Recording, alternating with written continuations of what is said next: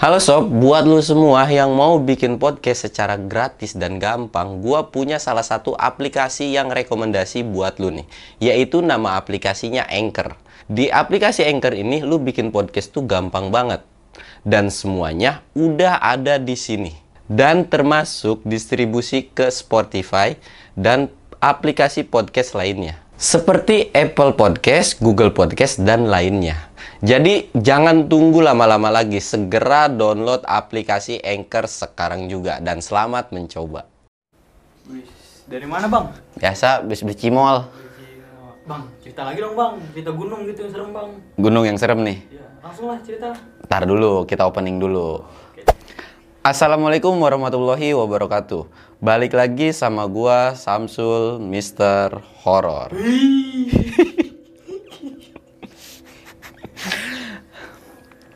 Pada kesempatan kali ini, gua bakalan nyeritain salah satu cerita gua yang ada di Gunung X. Nah, dan cerita ini tuh mungkin lu kalau yang sering nontonin cerita gua, lu nge sama yang namanya Dukun, Kuncen, dan Andri. Pernah gua bawain juga di cerita orang gitu kan, maksudnya di channel orang. Nah, cerita ini tuh akan berawal dari empat orang ini termasuk gua gitu kan. Untuk kelanjutan ceritanya gimana? Pokoknya lu pantengin terus. Dan jangan lupa juga buat lu yang pengen dukung gua atau support gua wajib subscribe channel gua dan jangan lupa like dan komen ke channel gua. Dan buat lu juga kalau yang mau ikut open trip gua, lu bisa kunjungin ke alamat Instagram gua ya yang ada di bawah ini. Nah, nggak usah banyak bacot lagi lah ya. Kita langsung aja masuk ke segmen dongeng horor dimulai.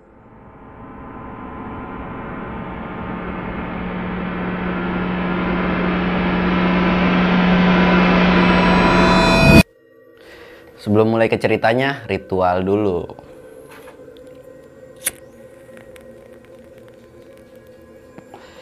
Jangan lupa ngopi biar nggak panik.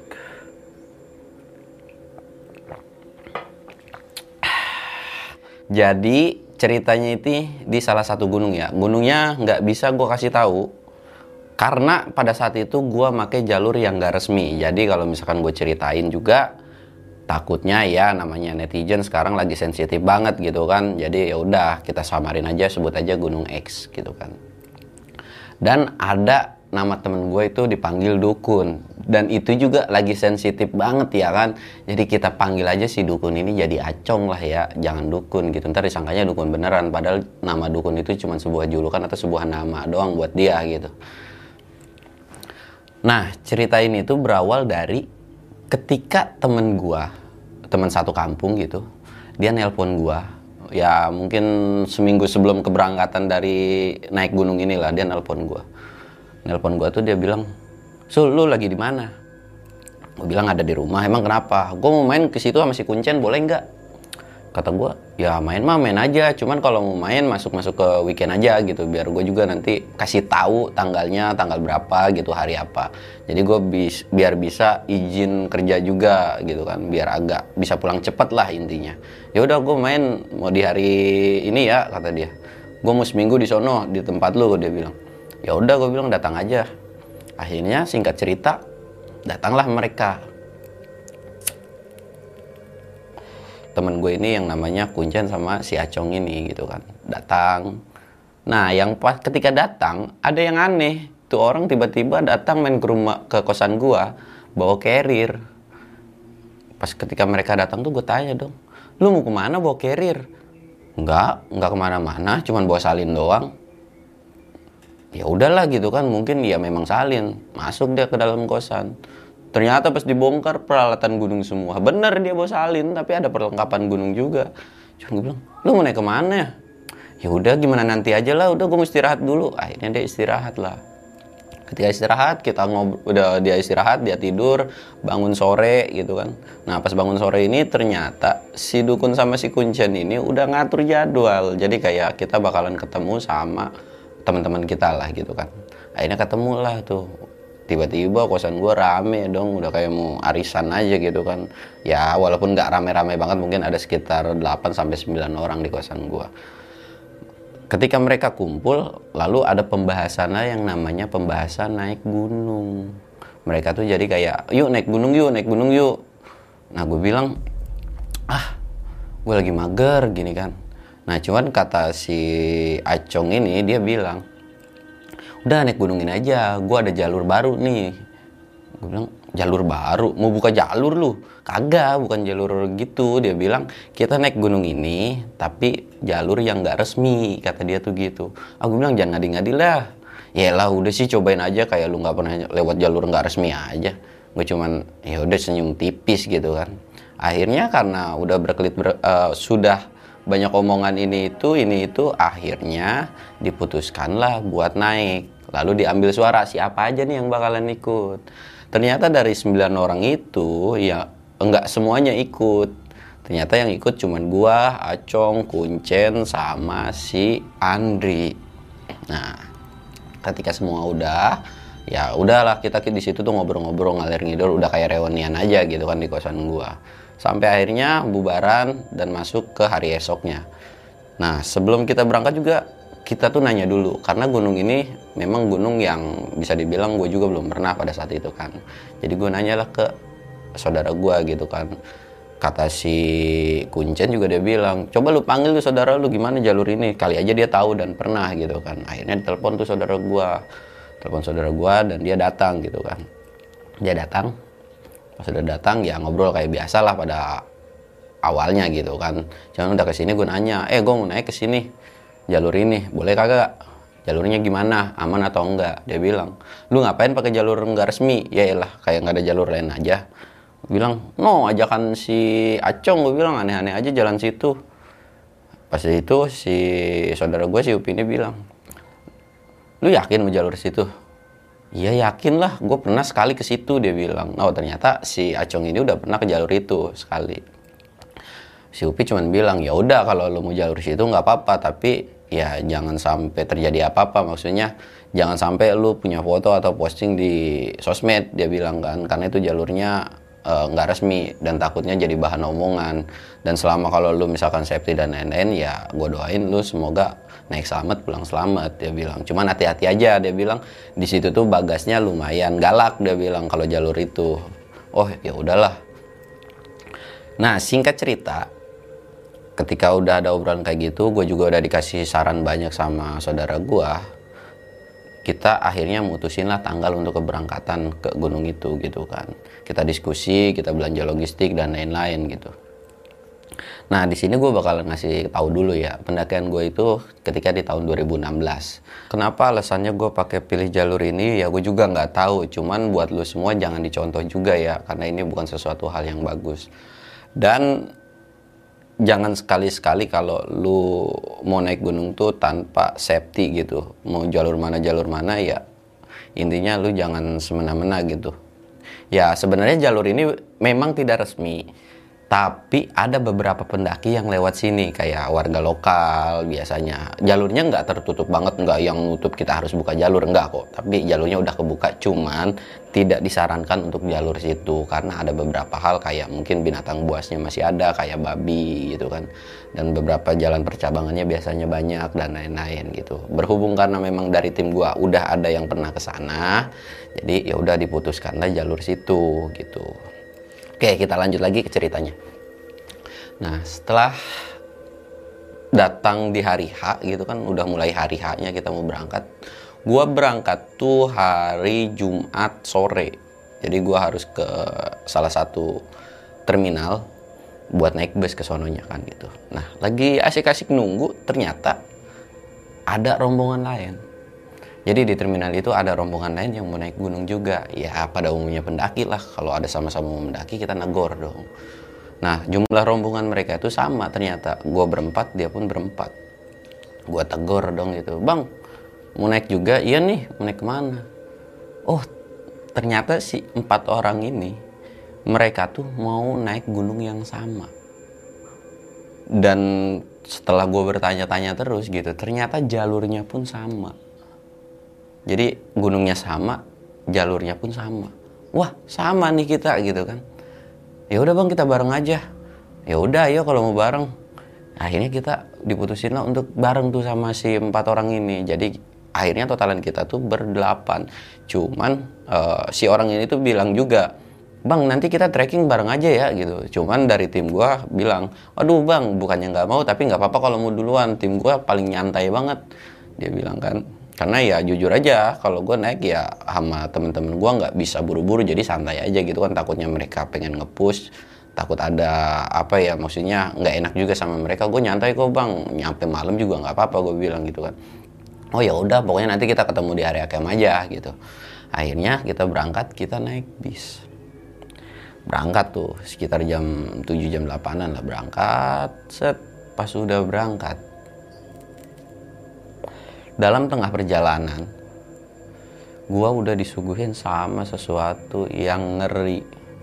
Bukan ketemu setan tapi gua semua ngeliat orang kecelakaan di sebelah jalan gua. Dan itu kelihatan. Jadi kayak korban nggak tahu tabrak lari atau apa. Dan yang paling keselnya mayatnya itu kayak orang sini kan meninggal ya sampai meninggal dan semoga yang meninggal itu uh, diterima di sisi Allah Subhanahu wa taala. Amin. Jadi si orang itu tuh meninggal dalam kondisi kayak tabrakan gitu. Dan gua berdelapan semua itu ngelihat mayatnya. Ya lu tau lah kalau korban kecelakaan di jalan kan nggak yang langsung ditanganin kalau belum ada pihak berwajib gitu kan kayak masih ditutupin dan ada beberapa bagian yang kelihatan banget dan gua berdelapan semua langsung muntah-muntah dan paling kacaunya, lu belum naik gunung mendadak lu udah ngeliat kejadian kayak gitu. Yang gue pikirin apa? Gue takut ketika di trekking itu ngebayangin hal-hal yang kayak gitu. Akhirnya ketika kita berdelapan ngeliat kayak gitu, gue coba buat mecah suasana. Woi, woi, woi, gue bilang depan ada cewek, nu cewek cakep gitu kan. Dalam keadaan masih di bis gitu kan. Woi, nu cewek cakep no baru masuk. Nengok semua, nggak ada. Ternyata mobil udah jalan. Udah dari situ, mana bang, mana bang? Oh nggak ada. Ya akhirnya kita bercanda lah ketawa-ketawa. Ya gue berharap sih pada saat itu kita lupa gitu kan tentang kejadian ngeliat orang kecelakaan ini. Ya udah singkat cerita akhirnya gue sampai lah di salah satu uh, mungkin bisa dibilang base camp. Ketika udah sampai ya udah kita istirahat packing packing di situ gue bersyukur nggak ada yang nge sama kejadian kecelakaan itu dan nggak ada pembahasan lagi tentang kecelakaan itu akhirnya ya udah packing packing mereka juga packing packing dan setelah packing kita istirahat. Setelah istirahat tidur gitu kan bangun pagi. Dan ketika bangun pagi uh, si rombongan empat ini dia berencana mau naik duluan gitu kan sekitar jam 7 jam 8 nah sedangkan gua gua bakalan santai. Jadi gua bakal naik selisih sama mereka itu mungkin sekitar satu jam uh, dia juga pamitan kan yang berempat itu pamitan. Cuman sebelum itu pun ternyata masih ada rombongan lain juga. Totalannya itu sekitar lima orang. Nah si yang lima ini ternyata dia tuh uh, warga lokal. Gue juga sempat heran memang jalurnya nggak resmi tapi kok ternyata ada juga yang lain gitu kan pendaki lain. Dan itu bisa dibilang kalau jalur nggak resmi ada jumlah lebih dari 10 itu cukup rame. Ya udahlah akhirnya mereka bareng tuh beriringan si empat sama yang si lima ini kan jalan kalau gue masih ngopi-ngopi aja berempat gitu. Nah pada saat kita sebelum berjalan karena gue tahu sumber mata air di gunung ini tuh nggak ada. Jadi nggak punya sumber mata air. Jadi mau nggak mau kita harus bawa dari bawah. Nah gue berempat ini eh, masing-masing uh, gitu kita bawa 4 uh, eh, liter air atau 4 botol air yang gede itu. Jadi udah komitmen. Jadi kalau misalkan naik nggak ada ya udah kita harus bawa berat berat sekalian. Mau lebih lebih sekalian gitu kan. Karena memang uh, fisik mereka gue akuin kuat lah gitu untuk bawa 4 liter air dan perlengkapan pribadi mereka. Akhirnya setelah jam 9, selisih satu jam dengan pendaki yang ada di depan, gue jalan nih. Sampai pos 1 masih aman, kita masih bisa ketawa-ketawa dan jalurnya jujur sejuk, banyak pohon, adem, tenang, banyak suara hewan dan pokoknya udahlah gunung gak rame itu udah paling enak banget ngedenger suara-suara binatang gitu kan Sampai pos 2 mulailah kita bermalas-malasan. Jadi ketika sampai pos 2, gua ngerokok itu bisa sampai setengah jam kali. Kalau nggak salah, hampir sebungkus gua berempat itu ngerokok. Hampir sebungkus lah gua berempat ngerokok ngabisin gitu kan. Nah, lanjutlah kita ke pos 3. Sampai di pos 3 itu sekitaran hampir jam 3 ketika gue sampai di pos 3 ternyata ada rombongan yang lima masih istirahat atau ngeres di situ. Ya udah kan gue akhirnya gue duduk. Pas gue lagi duduk gue nyapa dong. Eh bang belum naik. Gue kira udah pada jauh. Belum nih bang. Kita naik santai gitu kan. Dan kebenaran ada teman yang lagi kecapean dia bilang. Oh teman kecapean siapa? Ini. Nah ternyata teman yang kecapeannya ini tuh bukan dari rombongan dia tapi dari rombongan si yang empat ini oh dia kecapean. Lah temennya mana yang tiga? Itu udah duluan tapi memang udah gue suruh buat duluan sih nggak apa-apa katanya. Oh gitu. Ah gue udahlah bodo amat gitu kan. Uh, itu urusan mereka gitu. Gue mah yang penting ngeres. Akhirnya gue duduk lagi di pos 3 itu gue istirahat. Nggak lama mereka pergi. Pas ketika mereka pergi si Andri ini jadi udah kayak lumayan jauh si Andri langsung teriak astagfirullahaladzim. Dia bilang kayak gitu kan. Gua bertiga tuh kaget. Gua acong sama si kuncen kaget. Bet lu ngape? Dia bilang anjir itu ada yang nemplok bego katanya di badan orang. Hah nemplok? Apaan? Dilihat dong. Gua bertiga kepo dong nengok. Nggak ada nggak ada yang nemplok apa-apa. Ada itu nemplok. Lu lihat apa itu nemplok?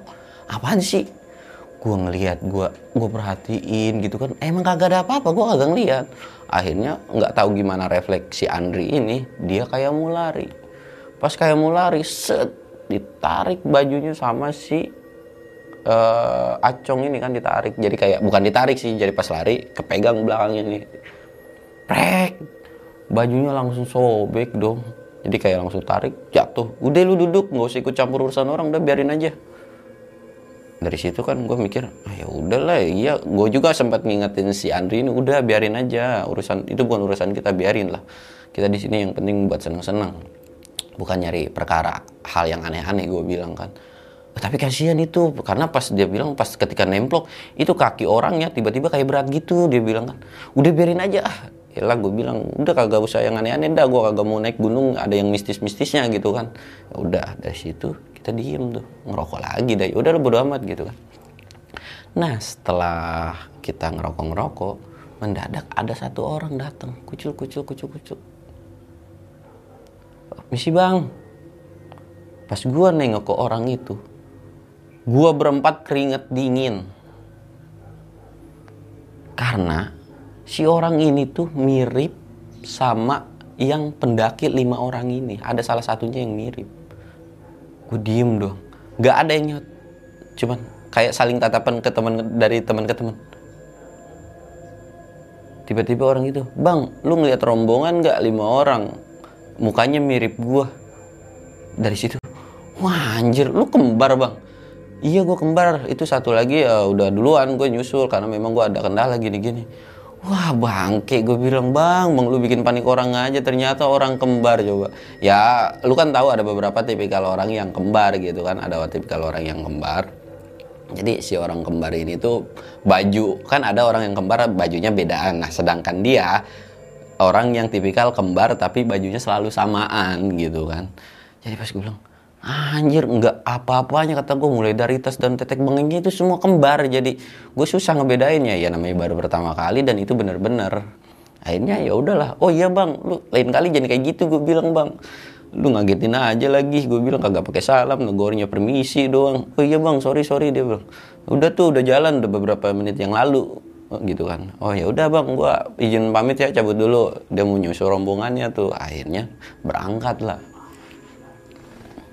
ya udah gue masih santai lagi aja gitu kan. Masih santai masih santai. Di situ tuh gue kurang lebih di pos 3 ini tuh sekitar satu jam lebih lah. Karena memang dari pos 3 untuk sampai ke area camp itu ya mungkin sekitaran satu jam setengah lagi atau selama lamanya tuh dua jam gitu kan. Jadi masih santai banget lah.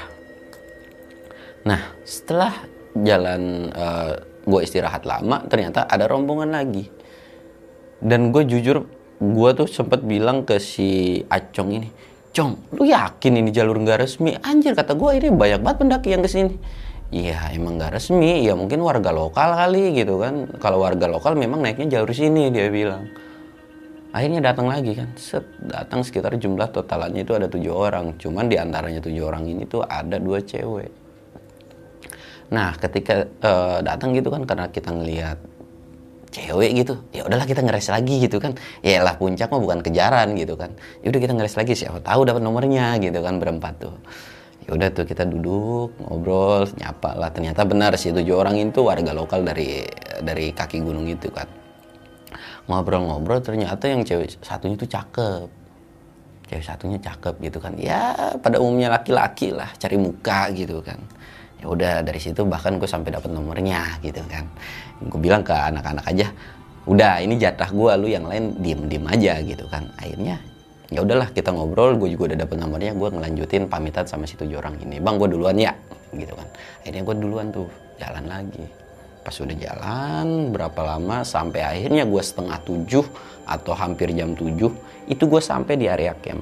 Karena ya pada saat itu naiknya mah sebentar cuman ya istirahatnya itu yang lama gitu kan ngobrol-ngobrol di jalan juga banyak ngocol dan lain-lain. Ketika gue baru mau sampai area camp hidung gue udah nyium bau sesuatu hal yang bikin perut keroncongan. Dan ternyata di situ ada yang lagi pada masak-masak. Dan yang lebih parahnya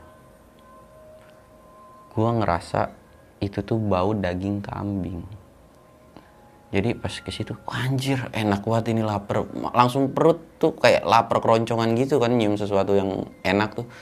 Pas udah ke uh, sampai situ tuh wih ini daging kambing kali ya. Aduh gue bilang ada-ada aja nih orang kenapa ngebakar daging kambing? Jadi ngebakarnya tuh bukan dari perapian ya jadi kayak ya lu tau lah alat-alat sekarang kan udah canggih gitu kan. Jadi ya udahlah biarin aja semoga nggak kenapa-napa gitu kan. Ya udah akhirnya gue ngedirin tenda ngedirin tenda terus ngebentangin plyseat juga gitu kan. Dari situ mendadak kayak ada keributan kecil gitu kan. Gue juga nggak tahu nih ternyata keributan kecil itu dari si kelompok 4 dan si kelompok 6 orang. Ternyata yang kelompok 5 itu ternyata enam orang. Yang satunya kan nyusul tuh yang kembar. Nah keributan.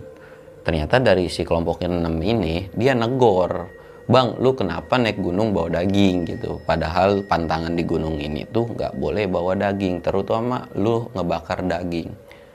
Uh, pokoknya intinya kurang lebihnya begitulah. Nah sedangkan si empat ini ngeyel kayak udah bang nggak apa-apa kok lu jangan percaya mitos dan lain-lain gitu kan. Si intinya uh, berantemnya tuh antara leader dan leader tapi nggak yang kencang-kencang banget jadi kayak ya udahlah diobrolin baik-baik gitu kan. Gue yang ngedenger pun dari kelompok gue udah biarin aja itu masalah mereka lah. Selama ya mereka nggak ngapa-ngapain atau ya sebatas teguran dan ngasih tahu gitu nggak apa-apa gitu. Itu hal yang wajar bagi gue jadi udahlah kita masak-masak kita masak-masak. Ketika bawa daging itu istilahnya mereka berantem soal perdebatan masalah daging ya udah kan mungkin udah ada jalan tengahnya. Kelar lah. Nggak selang beberapa lama lagi bau lagi. Dan itu baunya sama bau daging lagi ah gue bilang ini orang orang kaya kali ya. Bakar daging mulu kagak kelar-kelar. Padahal gue masak aja masak nasi gue udah makan aja. Itu udah lama banget. Jadi mereka pun udah dari awal kan masak harusnya mereka nggak harus bakar daging lagi. Terkecuali kalau memang mereka banyak stok dagingnya gitu kan. Bakar daging lagi dong. Lambat laun lambat laun yang tadinya bau daging kambing mendadak kayak bunga melati langsung kayak bau bunga melati. Si Andri bilang dong kok bau dagingnya berubah jadi bunga bunga melati ya? Lah iya gue bilang gitu kan semua uh, teman-teman gue juga pada nyaut begitu. Lah iya gimana ya? Nah udah bau melati diseling lagi langsung ke bau bangke dan bau bangkainya ini. Gue berempat itu nggak ada yang muntah cuman sebatas enak aja kali ya enak. Nah sedangkan yang muntah-muntah itu ada di tenda empat orang ini di rombongan yang empat ini. Si empat orang ini tuh semua muntah-muntah. Tenda yang lain karena nggak dengar suara muntah-muntah. Muntah-muntahnya kan kalau satu orang mungkin nggak terlalu berisik ya. Empat orang kan berisik we we udah kayak orang ngidam aja gitu kan. Keluar tuh yang tenda ber, uh, orang rombongan berenam ini. Gua pun sama si Acong tuh keluar. Dan ketika gua keluar ngelihat ya wah ini empat orang muntah-muntah kenapa ya akhirnya ya udah gue samperin tuh sama si enam orang ini disamperin juga. Samperin ternyata luli yang bikin gue jijik apa? Menurut si empat orang ini mereka muntah makanannya mereka masing-masing.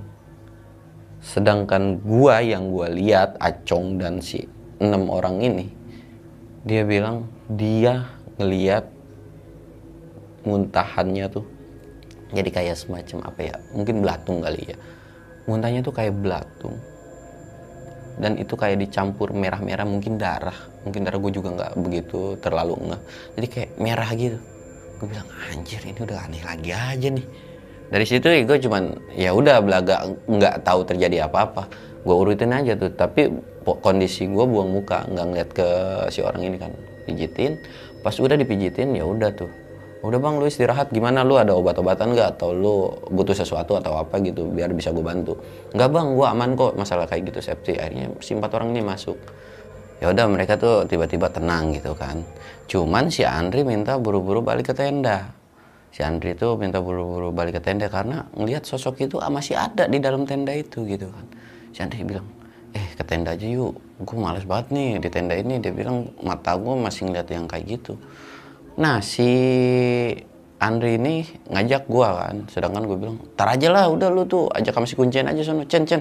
Gue bilang, no temenin si Andri ke tenda. Akhirnya mereka berdua berangkat tuh ke tenda. Nah pas sudah mereka masuk ke tenda gitu, akhirnya gue di situ berempat lagi nih, berempat ngobrol-ngobrol sampai akhirnya Bang Eko karena nggak mau terjadi apa-apa, akhirnya Bang Eko ngomong lah, negor lah bisa dibilang negor, cuman secara baik gitu. Bang, lu tahu nggak kenapa lu kayak gini? Gua nggak tahu apa yang lu alamin kata bang Eko. Tapi ini akibat dari lu sendiri. Lu kenapa naik gunung udah tahu dari bawah dilarang buat kayak gini kayak gini tapi lu masih kekeh malah bakar daging? Pertama. Dan kedua lu naik gunung ke sini dalam keadaan bang Eko ini bilang lu dalam keadaan banyak pikiran lu berempat ini gue tahu lu banyak pikiran. Gue nggak tahu lu pikiran apa gitu mikirin utang atau apa gue nggak tahu. Tapi lu naik ke gunung ini banyak beban. Dan sekali-sekali naik gunung dia bilang dengan keadaan banyak beban. Lu naik gunung harus fun. Tinggalin dulu masalah lu masalah pribadi atau apa pun. Jangan suka dibawa ke ketika lu naik gunung gitu kan kata bang Eko ini. Nah ketika udah minta maaf gitu kan. Cuman bang Eko bilang ya ini sih antara percaya dan enggak ya. Maksudnya gue bukan mau nyesatin lu ketika gue cerita ini. Jadi bang Eko minta sesuatu dalam arti apa ya mungkin kayak suatu kepercayaan di gunung itulah. Bang gini lu jadi kayak ada sebuah kayak apa ya bisa dibilang ritual mungkin supaya biar nggak diganggu gitu kan. Nah dijelasin tuh sama Bang Eko ini lu harus gini-gini biar nggak kenapa-napa gitu kan. Menurut keempat orang ini kita akan cerita dulu sedikit tentang si empat orang ini ya. Jadi ketika mereka naik tuh mereka dalam keadaan kondisi memang uh, bisa dibilang banyak masalah lah. Banyak masalah terutama dari kerjaan dan lain-lain gitu. Nah keempat orang ini tuh naik tuh memang nggak yang pas naik tuh nggak yang cerita banyak. Jadi kayak ngomong sedapatnya karena beban pikiran mereka banyak dan ketika mereka mulai pendakian, di pos 2 itu mereka ngelihat mayat. Nggak tahu mayat apa. Jadi ketika mereka naik, bayangan yang gue bilang, kita ngelihat kecelakaan sama-sama kan berdelapan orang. Dia ngelihat mayat itu ada geletak di pos 2. Dan yang paling parahnya lagi, menurut empat orang ini, satu temennya tuh bawa carrier itu berat banget. Dan ternyata bener dong feeling si Andre ini. Ternyata memang ada satu sosok yang nemplok di carrier satu orang ini. Nah kenapa alasannya? Kan ada satu eh, ketika di pos 3 tuh kan gua tuh ketemu sama pendaki yang enam orang ini yang ada salah satunya si orang kembar ini gitu kan. Nah ternyata Kenapa alasannya si satu orang ini ditinggal itu memang suruhan dari Bang Dede. Udah Bang lu tiga jalan aja, yang satu tinggal biar gue yang ngawasin. Jadi memang so care banget lah si Bang Dede ini gitu karena tahu kondisinya.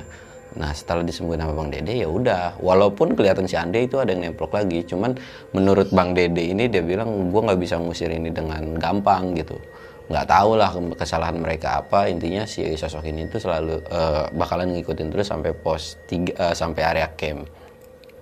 Cuman ya ketika udah diusir sama bang dede dia datang lagi diusir datang lagi datang lagi terus aja kayak gitu kan. Akhirnya menurut mereka juga tadi kenapa alasannya mereka teriak? Mereka pas lagi tidur ngelihat ada sosok lagi jongkok di depan mereka dan ngomong minta dagingnya. Karena mereka panik dan takut. Mereka mau kayak karena kan kondisi uh, makanan itu harus digantung ya. Mereka tuh kayak mau lari keluar dan ngambil gitu ngambil si persediaan logistik mereka di atas pohon. Si sosok itu nggak minta daging yang digantung ternyata dia minta daging dari si empat orang ini. Dari situ makanya mereka langsung teriak dan ketakutan jadi langsung kayak nutup dan nggak mau denger dan sosok itu masih ada dan terus nagih minta daging minta daging Nah sosok ini pun nggak begitu dijelaskan sama si empat orang ini. Gue juga nggak tahu gitu karena gue nggak lihat. Yang lihat tuh si Andri. Nah dari situ ya udah kita balik lagi ke ceritanya gitu kan. Nah akhirnya ya udahlah kita ngelakuin sesuatu hal gitu kan. Yang apa yang diperintah sama si Bang Eko ini. Ketika udah kita pergi ke satu lokasi yang yang nggak jauh banget dari si area camp ini gitu kan. Gue juga di situ kebetulan uh, ngikut lah. Gua acong ngikut gitu. Jadi 4 tambah 4 jadi 8 kan. Ketika ngikut jalan mendadak ada suara teriak. Dan teriak itu dari cewek dari si rombongannya Bang Eko ini teriak tolong tolong lari dong Bang Eko karena panik karena uh, rombongan dia ada yang ini kan tahu kenapa-napa lari. Pas sudah lari apa? Bukannya karena kenapa-napa tiba-tiba diomelin dong si cewek ini. Lu tahu kenapa diomelin? Karena dia tuh pipis si cewek itu pipis di depannya tuh ada kayak ranting dipikir ular jadi kayak pipis nih agak ngadep uh, agak nggak terlalu ngadep ke si ranting itu agak nyerong dikit. Nah si ranting itu tuh kayak nyenggol ke tangannya. Dia pikir parno dia pikir ular gitu kan. Dari situ teriak di situ ya kedengeran orang diomelin lu ada-ada aja. Bukannya lihat dulu apa tiba-tiba langsung teriak panik kayak gitu. Jangan bikin panik orang gitu kan kata bang Eko akhirnya setelah itu ya udahlah bang Eko balik lagi. Sorry bang ya sorry bang ya. Tuh bocah gue pada PAP ada bilang ngeliat ranting disangka ular ya dari situ syukurnya kita pecah lah gitu kan gara-gara kejadian itu nggak terlalu serem lagi. Kayaknya dilakuin lah sesuatu hal gitu. Nah ketika ngelaku uh, kita agak menjauh dari area tenda ada sosok yang kayak mau keluar gitu kayak ngumpet dari balik-balik pohon karena kita kan pakai headlamp semua. Ngumpet dari balik-balik pohon gitu gue bilang sama si Acong Cong itu apaan ya di sebelah pohon? Mana sih pohon apa? Gue ngomong itu bisik-bisik. Itu bego gue bilang sebelah pohon. Mana? Gue kasih unjuk kan no di sono. Si Acong nengok juga dong set. Wah iya apaan tuh orang apa bukan ya? Karena kondisinya kayak ngumpet gitu, cuman kelihatan sedikit lah kayak orang pakai baju tapi kelihatan dikit gitu kan. Apaan ya kagak tahu. Samperin apa? Ah jangan lu, jangan ngadi-ngadi tuh bukan orang dia bilang setan kali. Ya udahlah, akhirnya karena bang uh, gua bisik-bisik gitu bang Eko Nogor udah biarin aja. Ntar juga hilang sendiri kok. Dari situ udahlah. Udah ngelakuin sesuatu hal yang dijelasin sama bang Eko, kita pulang. Pas udah pulang, gue ngerasa pada saat itu gue dari awal sampai naik itu gue nggak ngalamin kejadian apa-apa kecuali yang angin ribut dan apa yang diceritain sama Bang Eko dan uh, soal muntahan itu. Dari situ kayak ada manggil nama gue Samsul gitu.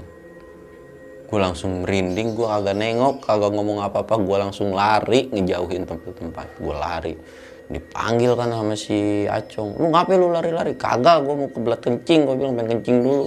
Hari gue langsung masuk tenda Prok. si Andri di situ ternyata lagi menggigil kedinginan. Pas gue udah tanya eh Ceng itu kenapa si Andri? Nggak tahu tiba-tiba dingin nih bocah kenapa ya? Pegang dong. Ternyata panas tuh badannya panas gitu kan. Ah gue bilang ngaco lagi nih kenapa ya? Gue panggil dong si Acong. Cong Cong Cong ini si Andri kenapa nih? Gue bilang sini dulu masuk tenda akhirnya si Acong ini pamitan nih uh, buat masuk ke tenda karena nanganin si Andri ini kan. Ini kenapa nih? Gue bilang ini kagak normal nih masuk lah. Ya udah masuk dibacain doa dan disuruh minum. Nggak selang beberapa lama alhamdulillahnya si Andri ini mulai baikan ternyata kalau menurut si Acong ini si Andri ini ketempelan lah gitu. Cuman ya kayak mau masuk cuman nggak bisa masuk masuk gitu. Akhirnya kayak bentrokan gitulah kali. Gue juga agak paham udah dari situ gue masuk dan gue juga keluar lagi. Uh, jadi kayak gue pamitan sama si orang ini gue bilang bang gue izin dulu ya gue mau istirahat dan lain-lain. Karena kondisinya itu udah mau masuk jam 1 kondisi jam 1 gue masih belum tidur. Akhirnya gue tidur. Gue berempat tidur tenda mereka tidur semua pada tidur tuh pada pulas. Pas sudah tidur ya lu mungkin kalau orang yang suka naik lu tau lah ada beberapa tipikal orang mau tidur tuh susah orang yang sebelah gue udah ngorok sebelah gue udah tidur. Tinggal gue sama si Acong nih belum tidur. Main sikut-sikutan kan. Lu belum tidur? Belum. Terus ngapain kita? Agak tahu. Ya udah ntar juga tidur kali gitu kan. Sepanjang gua ngobrol kayak gitu langsung lah ada suara gong deng. Jadi kayak suara gamelan gitu kan di situ bener-bener malam itu gua bener-bener diteror habis-habisan ketika gua mau kayak udah mulai ngantuk tiba-tiba ada suara aneh tiba-tiba ada suara aneh. Sampai akhirnya gue gedek gue sampai pengen kencing kan. Ya si, kondisi si Acong itu pada saat itu udah udah tidur lah. Jadi di antara gue berdua yang belum tidur Acong yang udah tumbang duluan. Gue mau bangunin tapi orangnya kagak bangun bangun gue jalan keluar tuh. Ketika gue jalan keluar baru mau kencing gue ngeliat tendanya si rombongan empat ini lagi dikelilingin sesuatu yang gue nggak tahu. Jadi kayak gue pakai headlamp nyenter ke tenda itu.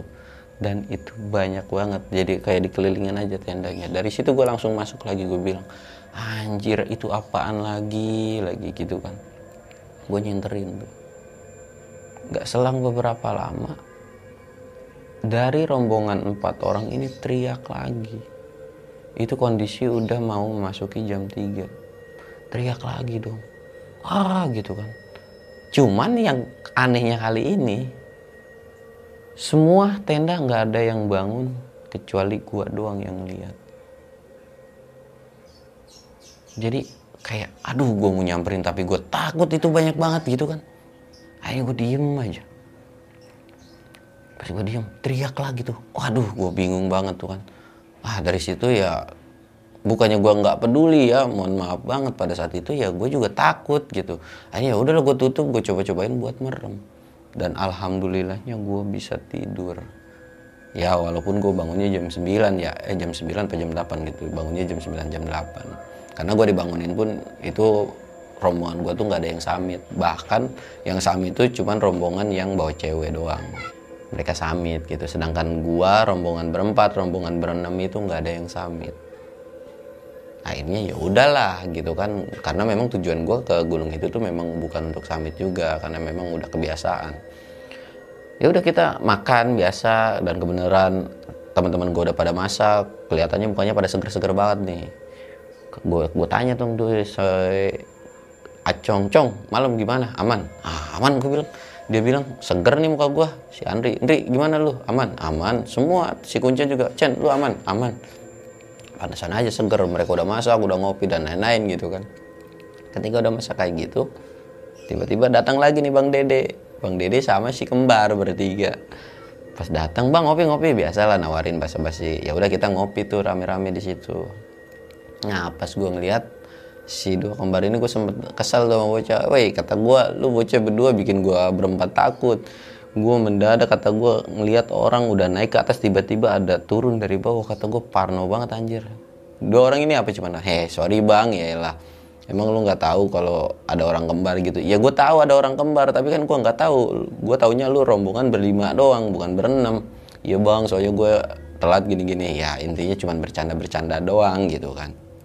Dari situ uh, pas kita lagi asik-asik ngopi dan yang sami ternyata rombongan yang bertuju ini udah turun gitu kan. Ya udah karena memang logistik gue banyak gitu kan. Udah bang sini bang ngopi ngopi gitu kan. Karena ada cewek gitu kan cakep. Udah sini nih ngopi ngopi gitu kan. Ngopi lah. Akhirnya tenda gue semua kumpul tuh. Mulai dari rombongan berempat juga kumpul kumpul. Jadi satu. Ya udah kita jadi akhirnya ngegrup semua. Jadi kita masak masak ya bisa dibilang ngeliwat kali ya. Jadi kita masak tuh semua rame-rame. Dan ketika udah mulai masuki jam 1 kita ngobrol panjang juga saling cerita-cerita dan kenalan gitu kan. Kita turun. Sekitar jam 1 kita turun. Nah pas udah turun pokoknya selama perjalanan itu nggak ada sesuatu hal yang aneh-aneh lagi. Sampailah kita ke base camp. Jadi pas udah sampai base camp itu barulah nyeritain si empat orang ini bang dia ngasih unjuk sesuatu. Jadi kayak apa ya dia tuh kayak buka pakaiannya si ininya. Semalam gua ada yang nyambit bang. Gua sampai teriak.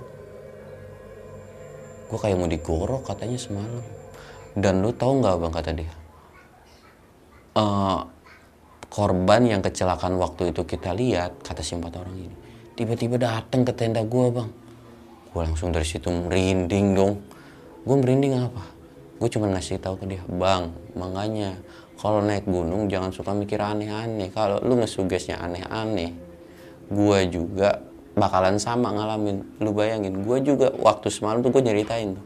Gue juga semalam bang berempat ini ngelihat ada burung jatuh depan gue berempat dan langsung berempatnya itu gue bilang langsung inget sama mayat itu. Dari situ gue juga semua pada parno gitu kan.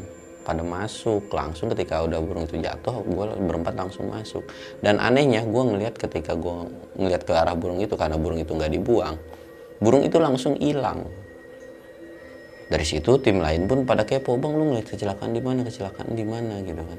Diceritain lah gitu panjang lebar tetek bengek dan lain-lainnya. Dari situ eh, balik lagi ke bang Eko juga nagor si empat ini. Bang lain kali kalau memang ada anjuran atau himbauan dari pihak base camp atau lu naik gunung mana pun ada suatu kebudayaan yang diharuskan lu melarang sesuatu lu wajib patuhi walaupun antara lu percaya dan nggak percaya karena poinnya naik gunung itu saling menghormati itu lebih lebih baik.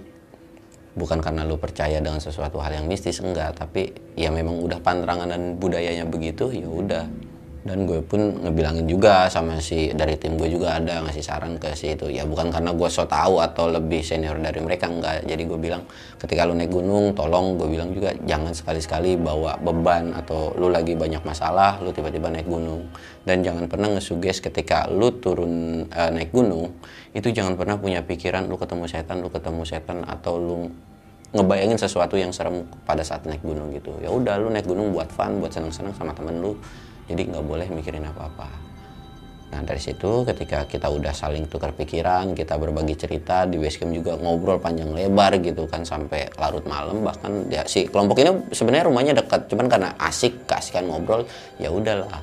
Dan di situ gue orang paling beruntung dapat nomor cewek.